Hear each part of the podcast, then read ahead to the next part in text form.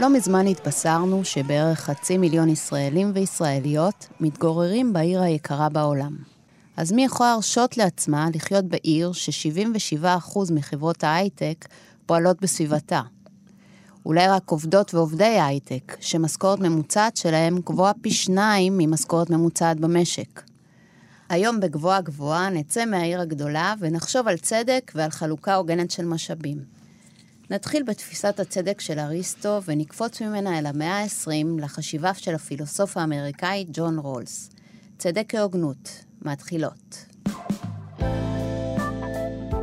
גבוהה גבוהה עם ויviana דייטש. היי, אני ויviana דייטש, אנחנו על גבוהה גבוהה, תוכנית בה מדי שבוע ניקח פיסת מציאות אקטואלית ונפרק לה את הצורה הפילוסופית. השבוע, נוכח יוקר המחיה ומה שזועק כהעמקת הפערים הכלכליים והחברתיים בישראל, נחשוב על הקשר בין חלוקה לצדק. איתנו באולפן פרופסור יוסי דהן, ראש חטיבת זכויות אדם במרכז האקדמי למשפט ועסקים, ויושב ראש מרכז אדווה לחקר אי השוויון בישראל. איתו נדבר על הפילוסופיה של ג'ון רולס. שלום פרופסור דהן. שלום, שלום לך. תודה שהגעת לשוחח איתי. תודה על ההזמנה. אז כמו תמיד, אה, אנחנו נתחיל מההתחלה. Okay. אוקיי. ואני אשאל אותך מיהו ג'ון רולס, נתחיל מזה, באיזה תקופה הוא כותב ולאיזה מסורת הוא משתייך. אוקיי, okay, ג'ון רולס, אה, לדעת אה, רבים מאוד, הוא הפילוסוף הפוליטי החשוב ביותר במאה ה-20. אוקיי. Okay. הוא כתב ב-1971 ספר שנקרא תיאוריה של צדק, Theory of Justice, שבעצם שינה לחלוטין את התחום של הפילוסופיה הפוליטית, ולא רק, אלא הוא גם השפיע על תחומים אחרים, כמו מדע המדינה, משפטים, כלכלה. כלומר, באמת קשה להפריז בחשיבות שלו. אני עוצרת אותך שנייה. פילוסופיה פוליטית זה תחום בפילוסופיה שמתעסק במושגים של ההתאגדות החברתית, אה, שבסוף... מתעסק היא... בפוליטיקה. הוא מתעסק במושגים מרכזיים שמשמשים אותנו בפוליטיקה, כמו אה, זכויות, חובות, חלוקה. דברים מהסוג הזה. אוקיי, אוקיי חירות, שוויון גם. אה. נכון, ודאי. אוקיי, דברים שמאגדים אותנו יחד. כן, מאגדים אותנו יחד, או אם אתה בעל תפיסה אחרת, אה, אתה מתנגד להתאגדות, אז אה, גם חלק מהדיון. בסדר, אז בוא נמשיך. אז אמרנו פילוסוף פוליטי שמאוד מאוד השפיע. כן, מה, אני רק אומר בקצרה מה הייתה ההשפעה שלו. עד שרולס כתב בעצם הפילוסופיה הפוליטית, צריך לומר, הייתה די משעממת. היא עסקה במשמעות של מושגים, כלומר, למה אנחנו מתכוונים כאשר אנחנו אומרים צדק בשפה המדוברת, למה אנחנו מתכוונים כאן ולמה אנחנו מתכוונים כאן. זה עיסוק אחד מרכזי. העיסוק האחר היה פשוט אה, פרשנות של הוגים מרכזיים בפילוסופיה הפוליטית. ורולס בא ולראשונה אמר והציע אה, תיאוריה נורמטיבית, אוקיי? הוא אמר, אה, אוקיי, אני אגיד לכם מה זה צדק. והוא שייך למסורת מאוד uh, ותיקה וחשובה, שנקראת מסורת האמנה החברתית. תכף נגיע אליה. שאליה משתייכים הרבה מאוד אנשים, הופס, לוק, רוסו, יום ואחרים. והוא השתמש בכלים של האמנה החברתית באופן אחר קצת, על מנת אה, לגזור אה, מהם עקרונות של צדק. ואם אנחנו מדברים על התוכן של התיאוריה, תיאוריית הצדק של רולס, אז התוכן שלה הוא בעצם שני עקרונות. ואת זה הוא גוזר מתפיסת האמנה החברתית שלו, שהיא אה, מאוד מעניינת וגם מעוררת הרבה מאוד דיון. אני אעצור אותך שנייה, אוקיי. ובוא נסביר לכולן מה זה העניין הזה של אמנה חברתית, מה זה תחום הפילוסופי הזה, מה הוא עושה. אוקיי, okay, אמנה חברתית, אה, תיאוריות של אמנה חברתית, אה, המטרה שלהם זה לענות על שאלה מאוד מרכזית, וזה להצדיק את קיום המדינה. אוקיי. Okay. כי הרי אה, אנשים אומרים לעצמם, איך זה יכול להיות שאנחנו מפקידים את החירות שלנו בידי גוף אה, שהוא, אה, יש לו מונופול על הפעלת אמצעי אלימות. הוא יכול כל יום אה, לזרוק אותנו לכלא או להוציא אותנו להורג. מה ההצדקה לכך שיהיה גוף כזה בכלל? ואז המהלך או הטריק של הוגי האמנה החברתית זה פשוט להתחיל מה היה קורה לו לא הייתה מדינה, אוקיי? משם הם מתחילים. כן, ואז אה, יש מצב שנקרא המצב הטבעי, במצב הטבעי אין מדינה, ומה היה קורה במצב הטבעי? ואז כל אחד מההוגים אה, מתאר את המצב הטבעי באופן אחר, ומגיע למסקנה שבכל זאת עדיפה מדינה מאשר להיות במ- במצב הטבעי. אם ניקח את הופס, אז במצב הטבעי החיים של... מלחמת הכל וכל. בדיוק, החיים שלנו הי- היו עלובים, בהמיים. מפחדים כי- מכל אחד מהצד של עצמנו. אז אפילו. אה, עדיף אה, מדינה, עדיף ריבון. חזק מאוד. כן, אבל כאן, עוד פעם, אצל הופ זה כך, אצל לוק למשל, עדיין אתה לא מעניק לריבון אה, סמכויות אה, בלתי מוגבלות. למשל, אתה שומר על הזכות לחיים, לבריאות, לרכוש, שזאת זכות מאוד חברתית. כי מה מניח לוק אה, במצב טבעי? בעוד שהופס מניח במצב טבעי של מלחמת הכל בכל, אצל אה, לוק המצב הוא אה, יותר אידיאלי, אוקיי? והבעיה שנוצרת אצל לוק במצב הטבעי זה שיש בעיה של שפיטה וענישה, אוקיי? כי אם אנשים יתחילו אה, בעצם, אה, לא יהיה מנגנון מרכזי, והם יחליטו איזה עונש מגיע לצד השני, אז uh, זה יהיה שרירותי לחלוטין, וזה יוביל uh, למצב בלתי צודק בעליל, ואז צריך, צריך להיות uh, פונקציה שהיא אחראית על שיטור, שיפוט וענישה, אוקיי? כלומר, האמנה החברתית זה מין איזשהו, זה חוזה בין המדינה ל... לאזרח. לאזרח, כן. אה, שמסכמים שם מה גבולות הריבונות, או מה, מה אני נותן, מה אני מקבל. כן, כשאני- מה, כן, מה הסמכויות של המדינה, מה ומה, הסמכויות? ו, ומה החירויות שלי. ומה החירויות שלנו.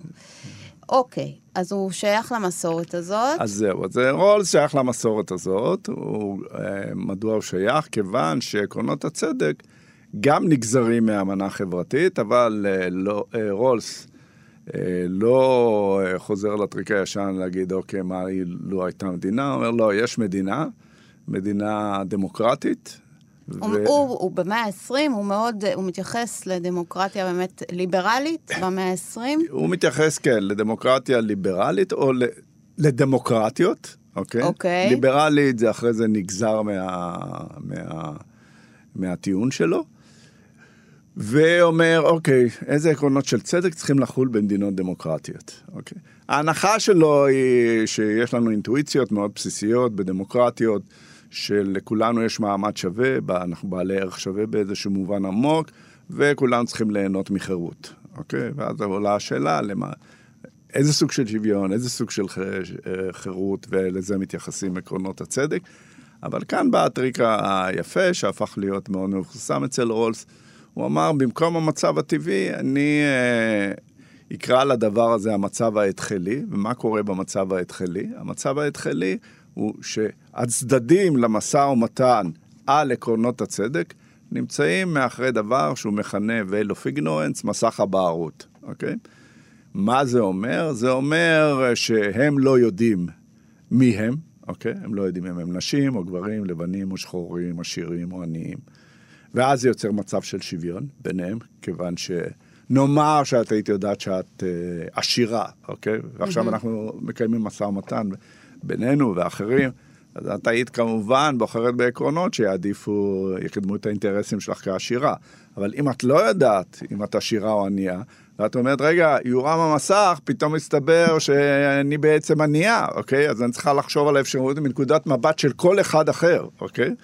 ואז ה-veil of ignorance הזה... כאילו, אני עוזבת את הזהות שלי, את, כן. ה, את המקום שממנו אני באה, את כן. התנאים הפרטיקולריים. כן. אני אדם חזר, חסר כל אה, כן. מאפיין, אתה- אתה- אבל אני יודעת שכשאני יוצאת מהמסך הזה, כן יהיה לי מאפיין, שאני כן. לא יודעת מהו, אז... בתוך הסיטואציה הזאת, מה כדאי, ואז אני כבר לא חושבת על עצמי מתוך המאפיינים שלי, אני חושבת על משהו שיהיה בסך הכל סביר לכולם. כן, זה לא שאת לא חושבת על עצמך, אם את היית שם, לא היית יכולה שלא לחשוב, אוקיי? על אני לא חושבת על... אבל אני לא יודעת איפה אני אהיה ממוקמת. הצדדים במשא ומתן, לא את, כי את אה, ואני מאוד נתקשה לה- להשתחרר מהזהות שלנו, אבל את מדמיינת את הצדדים במשא ומתן, אחרים, אוקיי?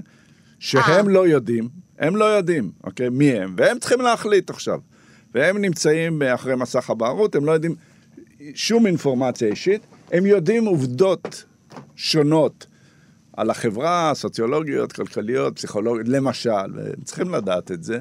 למשל, הם יודעים, אם אתה נותן לאנשים תמריצים, אז הם יתאמצו יותר, אוקיי?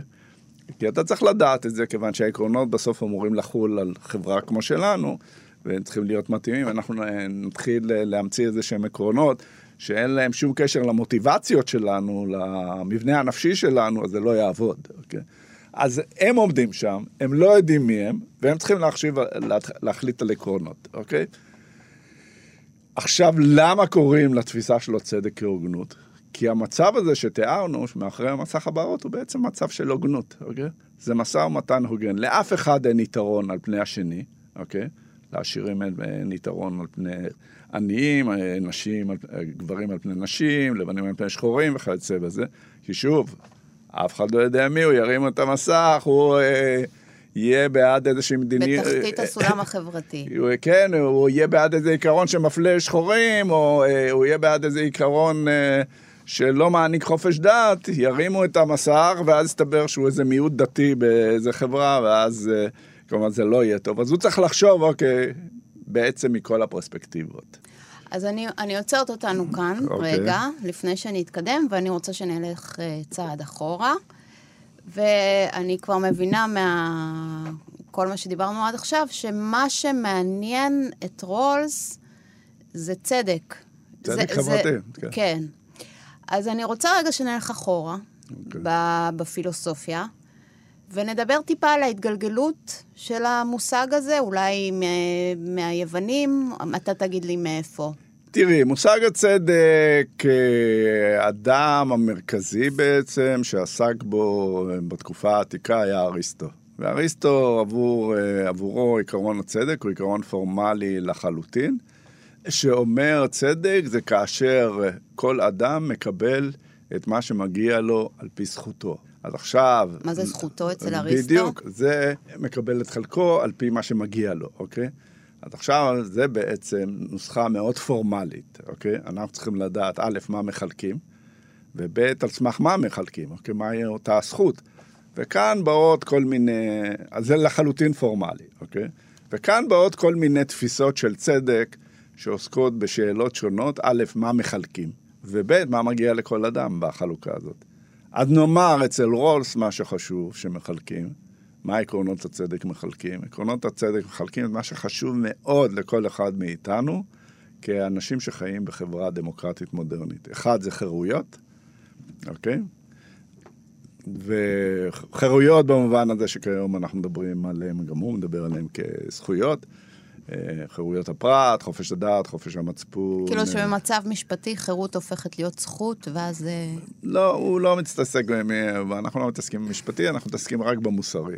אוקיי. אחרי זה, כאשר אנחנו רוצים לתרגם את ההמלצות שלו, אז נבנה כבר את המוסדות שיתאימו אוקיי. ליישם את הדבר הזה, אוקיי? אז חירויות, שכל אחד מאיתנו בחברה שלנו רוצה כמה שיותר חירויות.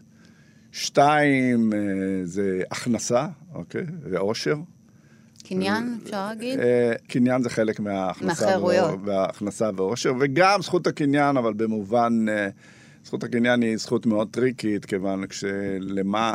השאלה, מה אתה מכניס לזכות הקניין? זה ברור לנו שיש לנו אינטרס לשמור על קניין שמגן על ערכים חשובים, כמו הפרטיות שלנו, האוטונומיה שלנו, אוקיי? אם uh, אני יחרים, אוקיי, את הציוד הפרטי שלך, אוקיי, את הספרייה שלך, וכיוצא בזה, או אפילו את החדר או את הדירה שלך, אז זה ברור שזה דבר מאוד מאוד חשוב שצריך להגן עליו.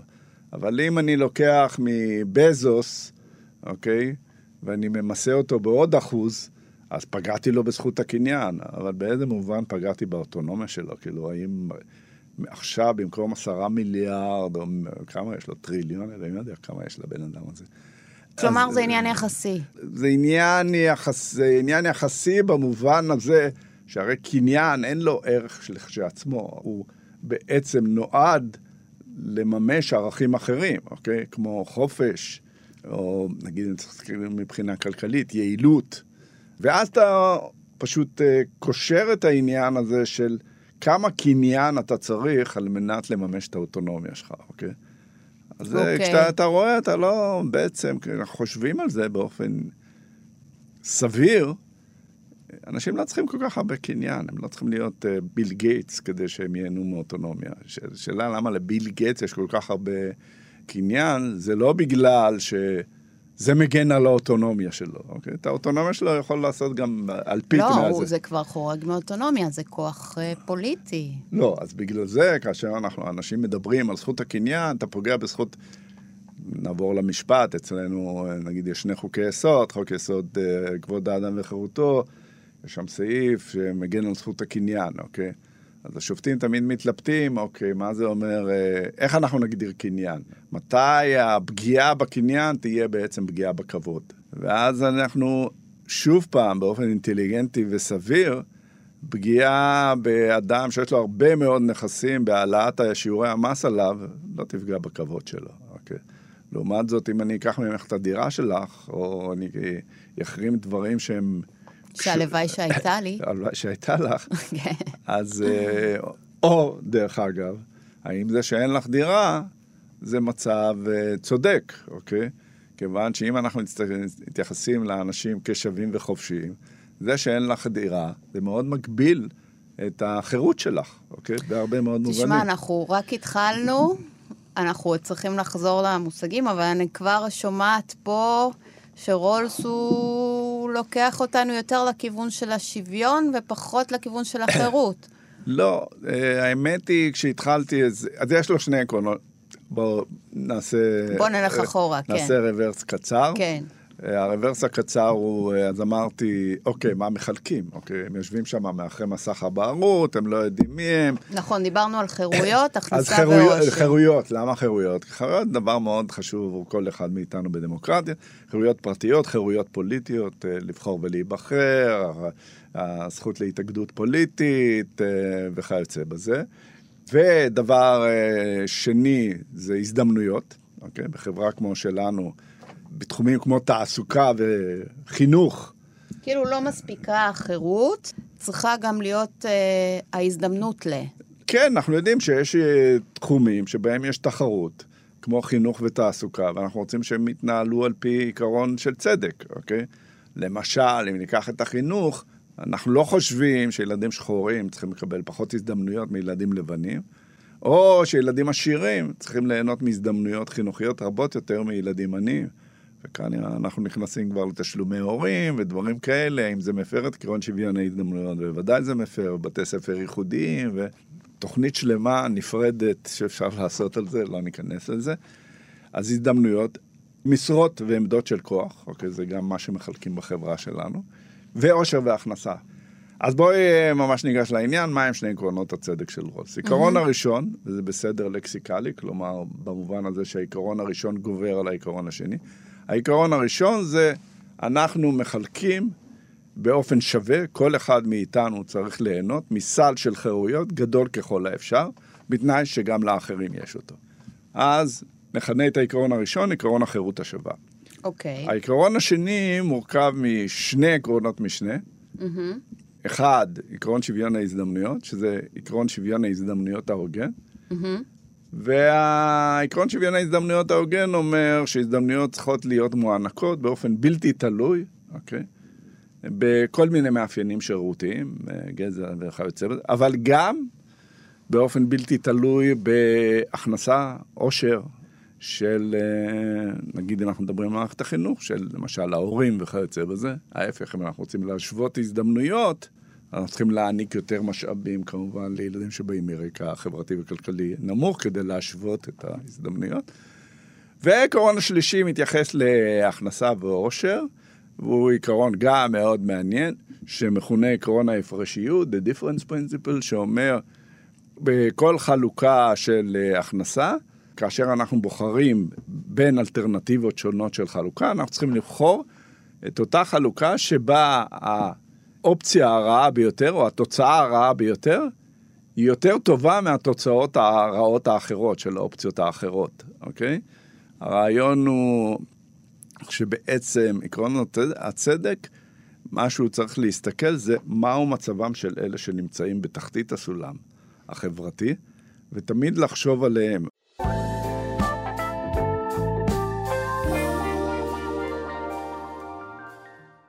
ניקח את זה לתחום המיסוי, אוקיי?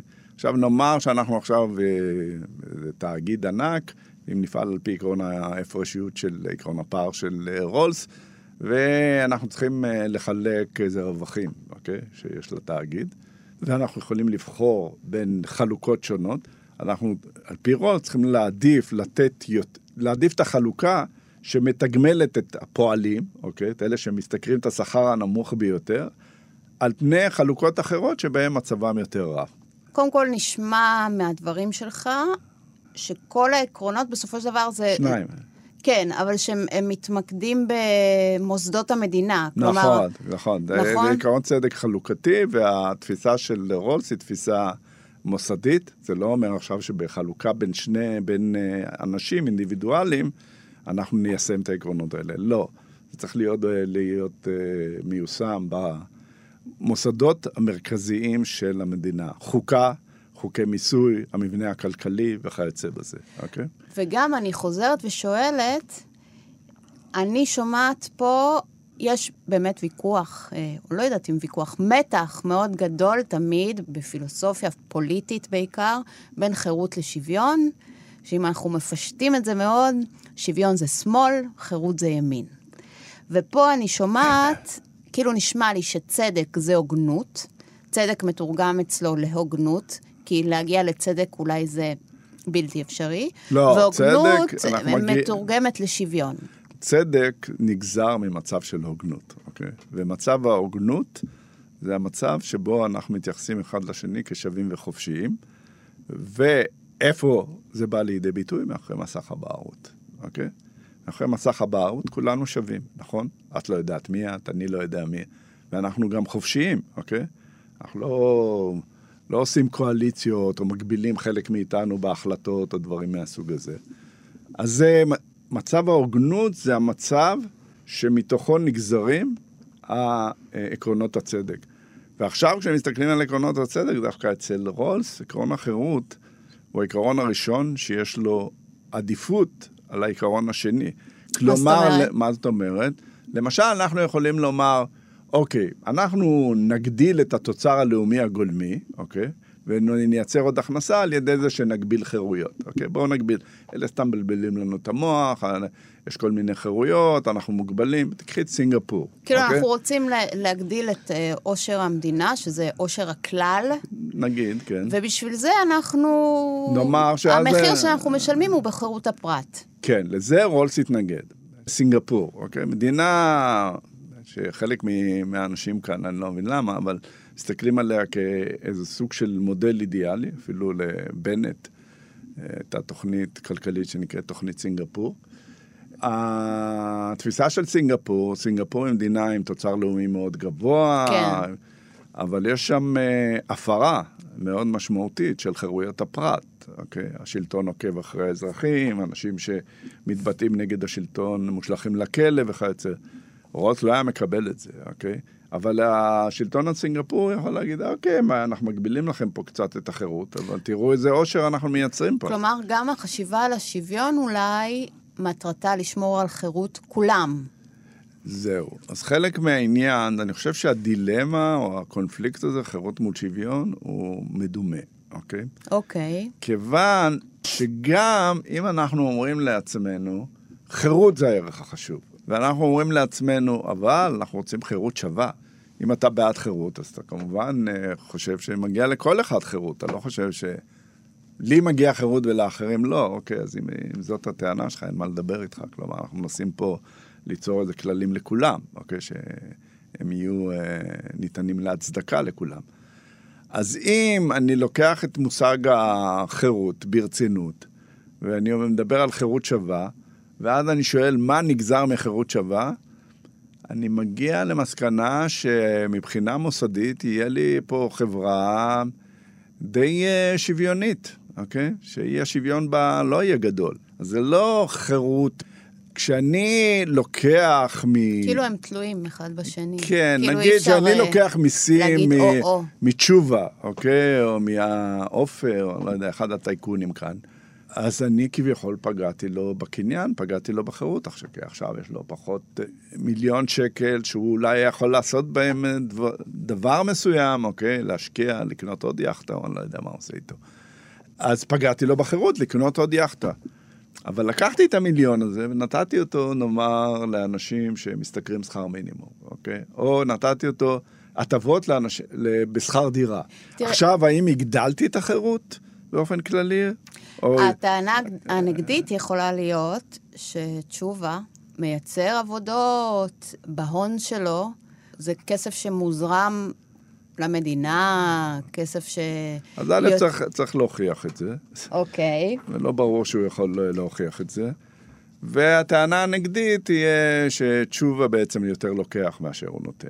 תראי, כשטוענים טענות כאלה, יש שתי, שני אספקטים שתמיד צריך לבחון אותם. א', האם okay. אוקיי. עובדתית זה נכון.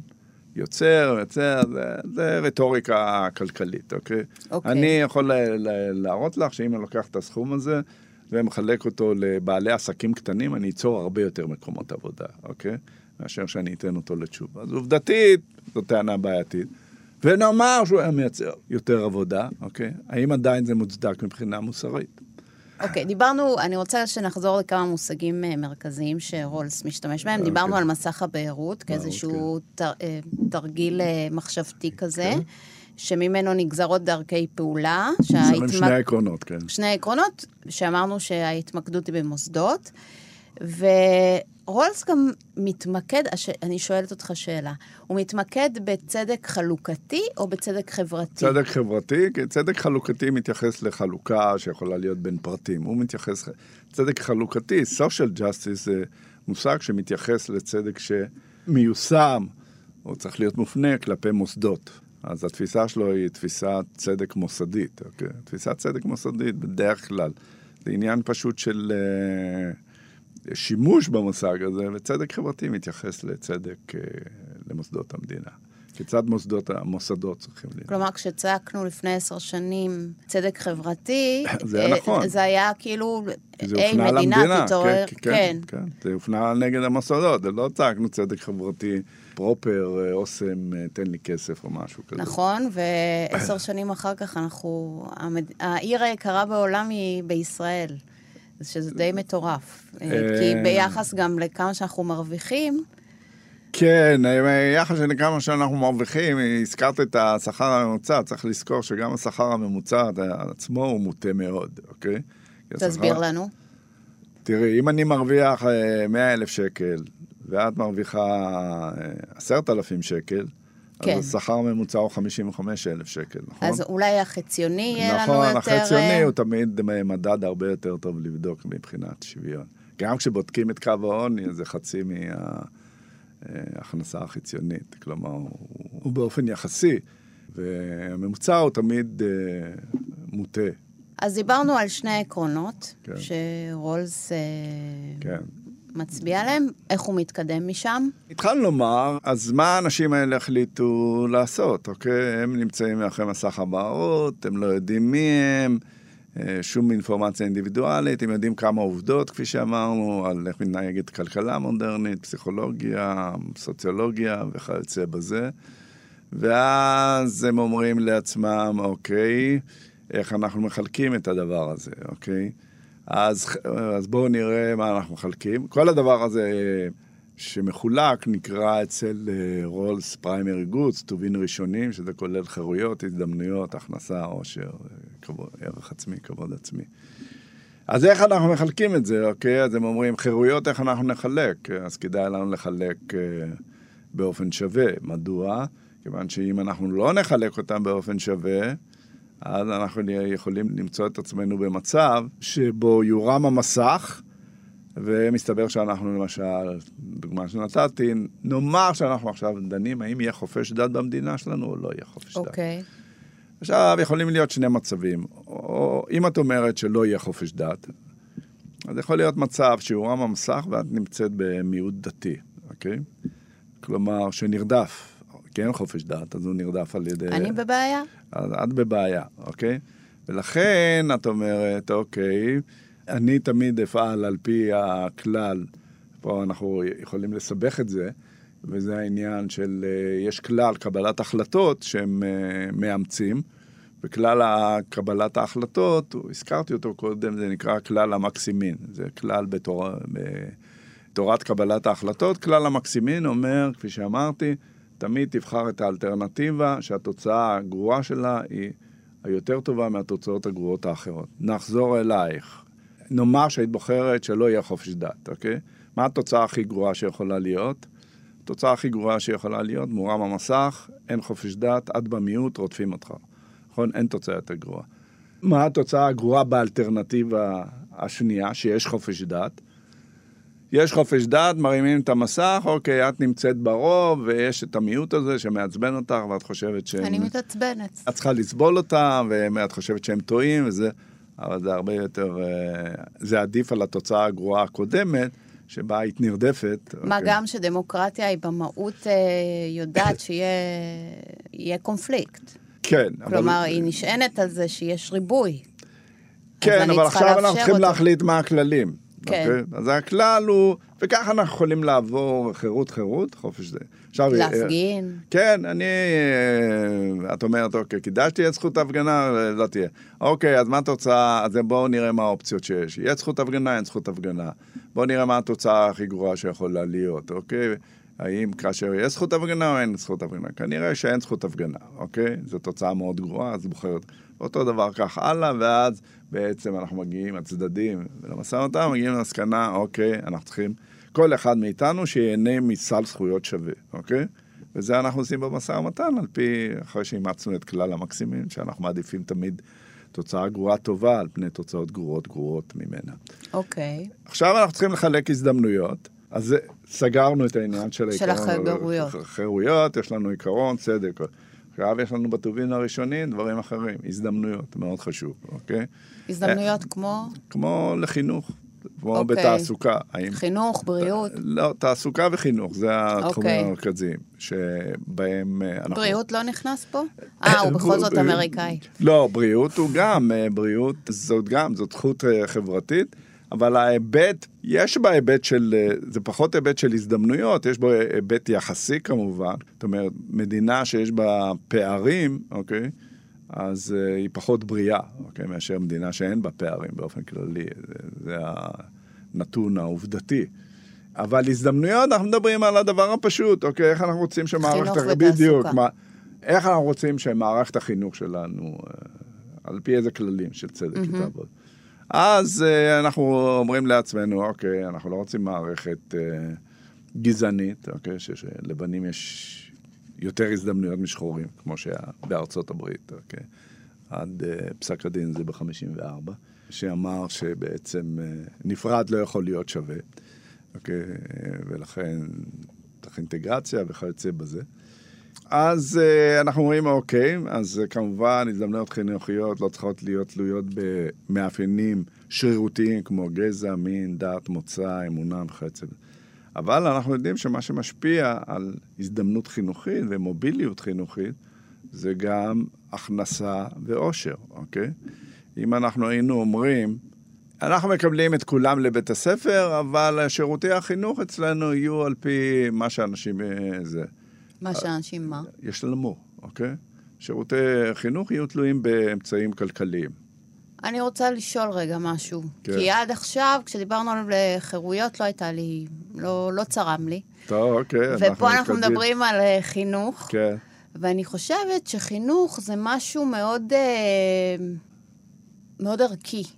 והוא יכול להיות מאוד שונה ממשפחה למשפחה, ולהפוך את העניין הזה למין אה, איזושהי אוניברסליות בשם השוויון, יכול להיות בעייתי. כיום בישראל, אוקיי, מערכת החינוך, יכול להיות שאני לא מסכימה עם הערכים שלה. אבל הוא לא מדבר על מה, למה המערכת, הוא מדבר במקומות אחרים, אנחנו לא דנים בזה. הוא חושב שהמדינה צריכה לחנך לאזרחות דמוקרטי, חינוך דמוקרטי, אבל זה עניין אחר. אבל מה שאנחנו יודעים על המדינות המודרניות, אין מדינה שלא מחזיקה ומממנת חינוך. כלומר, חינוך זה מוסד שפחות או יותר המדינה יש לה תפקיד מאוד מאוד מרכזי בו. ואז עולה השאלה, מה היא צריכה לעשות שם? זה שאת לא מסכימה עם מטרות החינוך וזה סיפור אחר, אנחנו יכולים לפתוח דיון נפרד, מה רולס חושב צריכות להיות מטרות החינוך, ויש לו כמה דברים מעניינים להגיד לא, על זה. אבל נראה לי שאתה מתכוון, ברור שכל מדינה אה, שמה לה לראש את אה, מערכת החינוך. השאלה היא, האם מתקיימת גם מערכת חינוך אלטרנטיבית, שרק מי שיש לו את הכסף לשלם אותה, אה, נכון? זאת השאלה בעצם. אה, זאת שאלה, וכן, זאת שאלה מאוד חשובה, העניין של הפרטת אה, החינוך. כן. וזה למשל, אם ניקח מערכת האמריקאית, באופן כללי העיקרון שם, שחינוך שהוא חינוך פרטי לא זוכה למימון המדינה. בעוד שחינוך שהוא חינוך ציבורי זוכה למימון המדינה. פה יש חצי כזה. אצלנו, אצלנו יש את הרע בכל העולמות. מה זה? אומר? כי הגישה בארצות הברית זה, אתה פרטי, אין לך מימון, אוקיי? עכשיו זה טיפה משתנה, אבל זה העיקרון.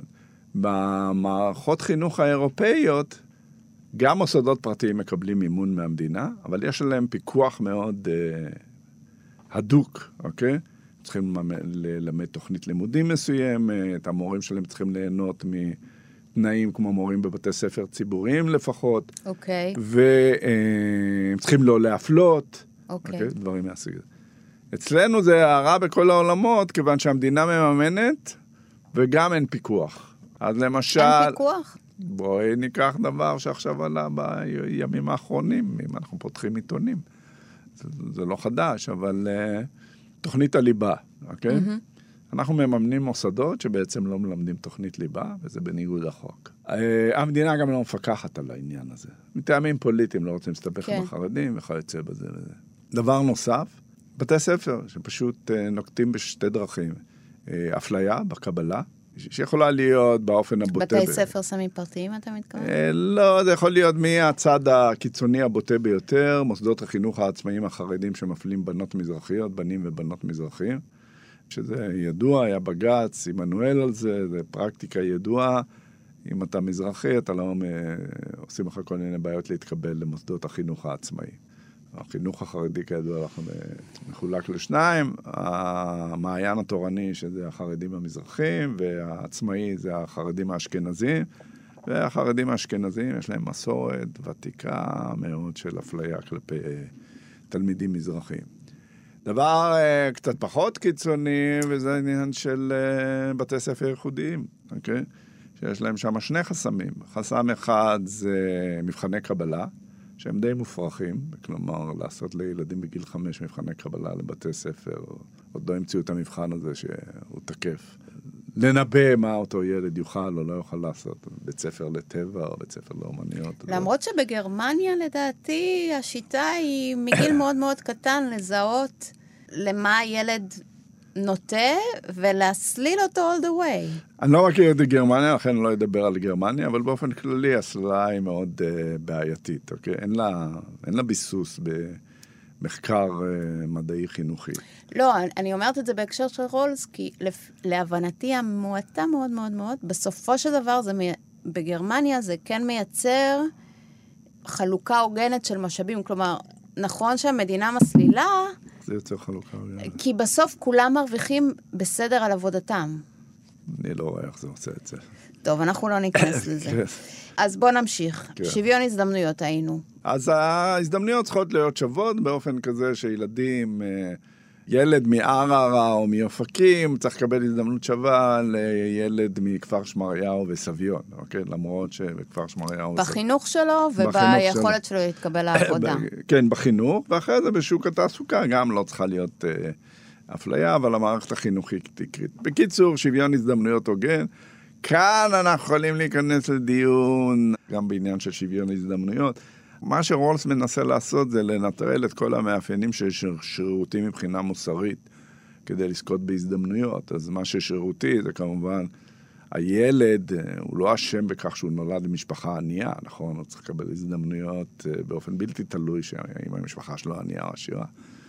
ואז אה, כביכול, מה שהיה חשוב זה הכישורים שלו, וה... אם הוא אה, מוכשר ומתאמץ ויש לו מוטיבציה, אז הוא יכול להתקדם.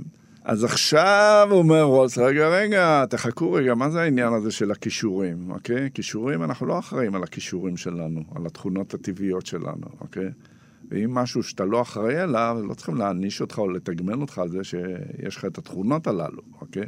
נאמר שבחלוקת הגנים, הוא קורא לזה החלוקה, ההגרלה הטבעית, את קיבלת גנים מאוד מוצלחים ואני גנים דפוקים, אוקיי? שהגנים המוצלחים שלך מאפשרים לך להתקדם הרבה יותר מהר בחיים, אתה מצליחה בלימודים וכיוצא. ואני, יש לי כל מיני בעיות, הפרעות קשב וכל מיני...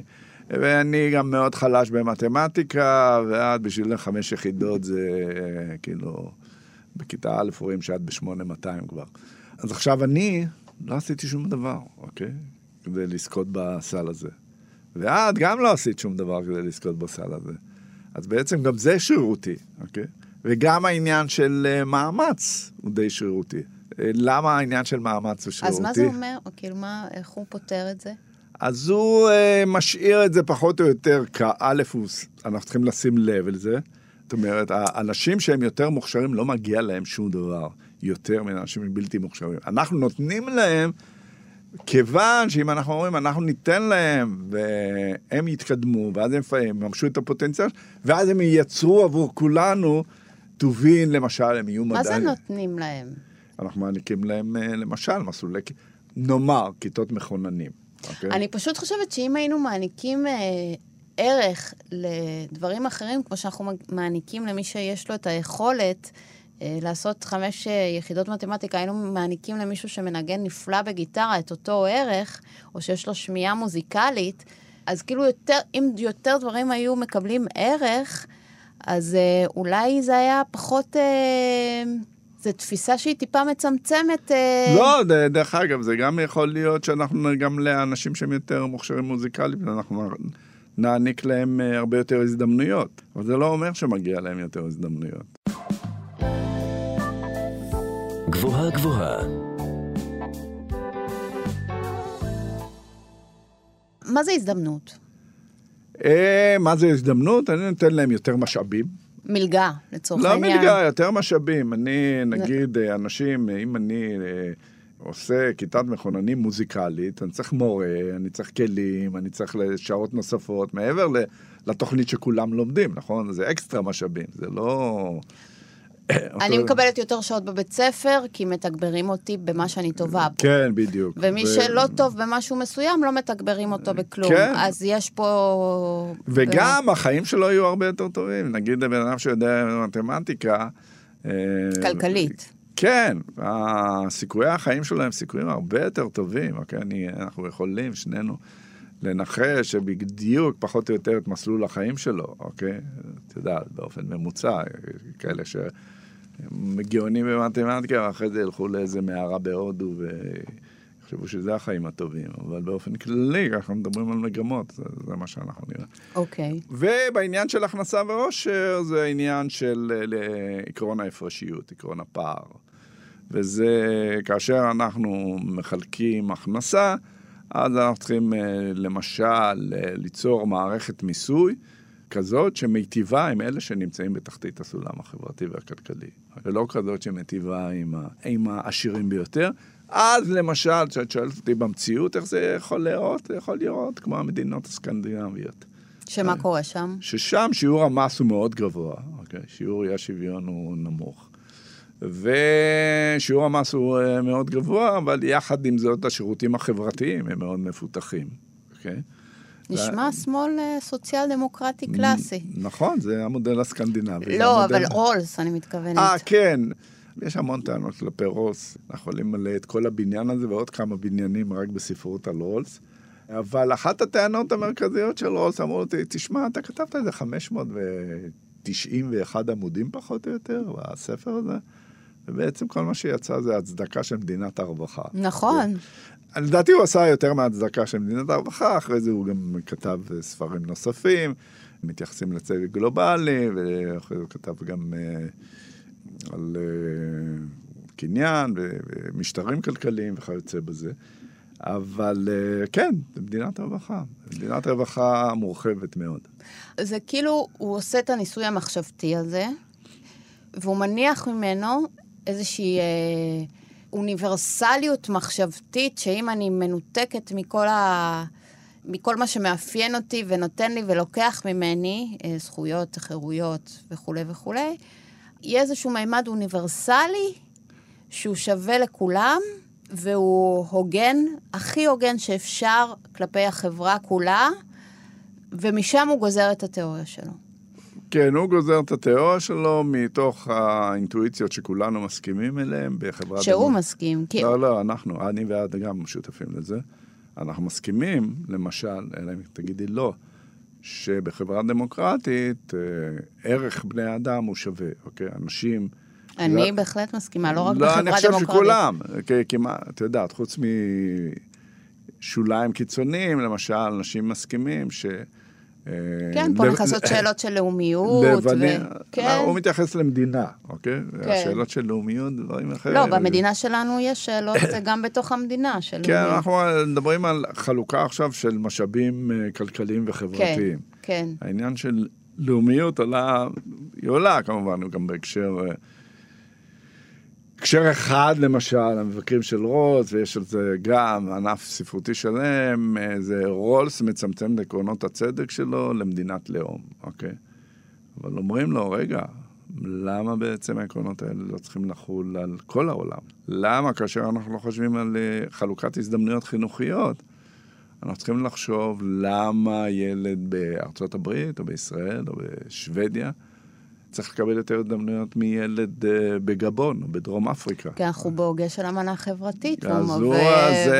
אז אנשים אומרים, אנחנו לוקחים את ההנחות שלך, רוס, אתה היית צריך לאמץ עמדה קוסמופוליטית, של אה, בעצם אה, מיישמת את העקרונות שלך על כל העולם, אוקיי? נכון, אבל הוא יוצא מנקודת הנחה, הוא מתחיל את הדיון כדיון כן, פוליטי אבל, במדינה. כן, אבל לא שאלה, למה אתה מתחיל? אוקיי? זה שאתה החלטת, זה, לא- כן. לא, זה לא נכון להחליט. אתה צריך כן. להחליט.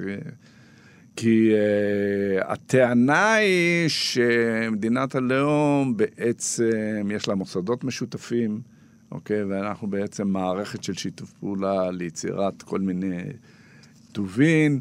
ואנחנו בעצם במדינה, אנחנו נתונים אה, תחת אה, אה, מוסדות שמשפיעים על אה, כולנו, אוקיי? לא, ואחרת המדינות אחרות.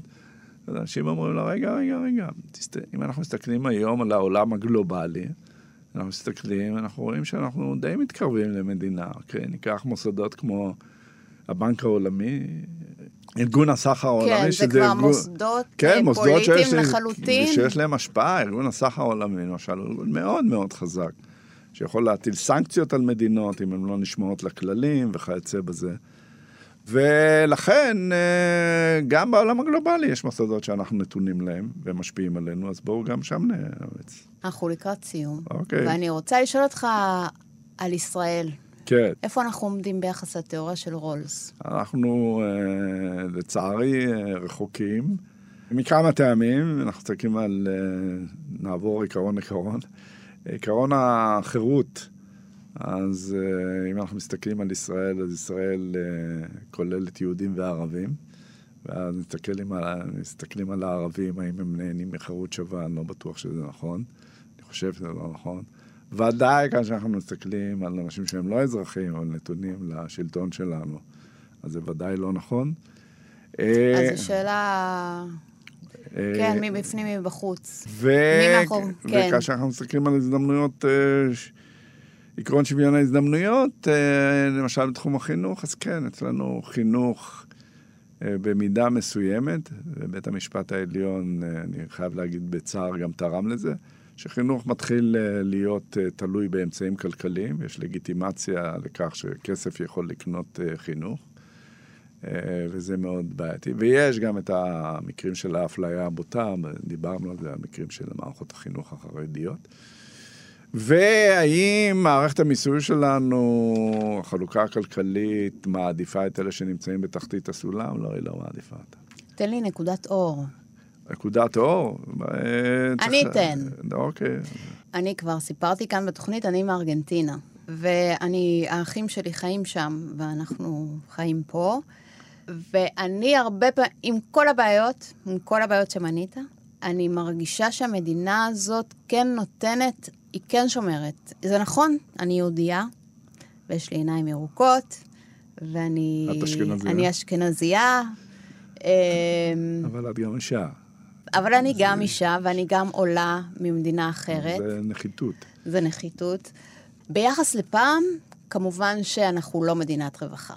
אבל כן, יש פה עוגנים במדינה, שהמדינה הזאת נותנת. מה אתה אומר על זה? אני, דיון רחב, אבל uh, אני פחות פטריוט ממך כנראה. אני לא כזאת פטריוטית. אני משהו- חושב שיש הרבה מאוד מה לשפר, וזה מה שאני עושה בחיים שלי, למען האמת. חלק גדול מהפה זה לא שאני יושב רק וכותב ספרים. אני פעיל במרכז שחוקר ומקדם דברים מהסוג הזה. ו- ואתה חושב דברים. שהדבר הראשון, אם אנחנו צריכים לבחור דבר אחד, קודם כל להתמקד ב...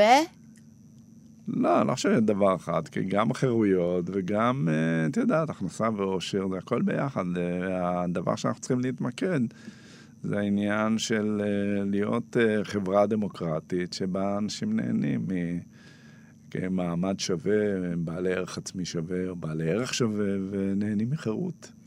אני חשבתי שתגיד חינוך, אבל אני איתך, כן, זורמת זה איתך. הכל ביחד.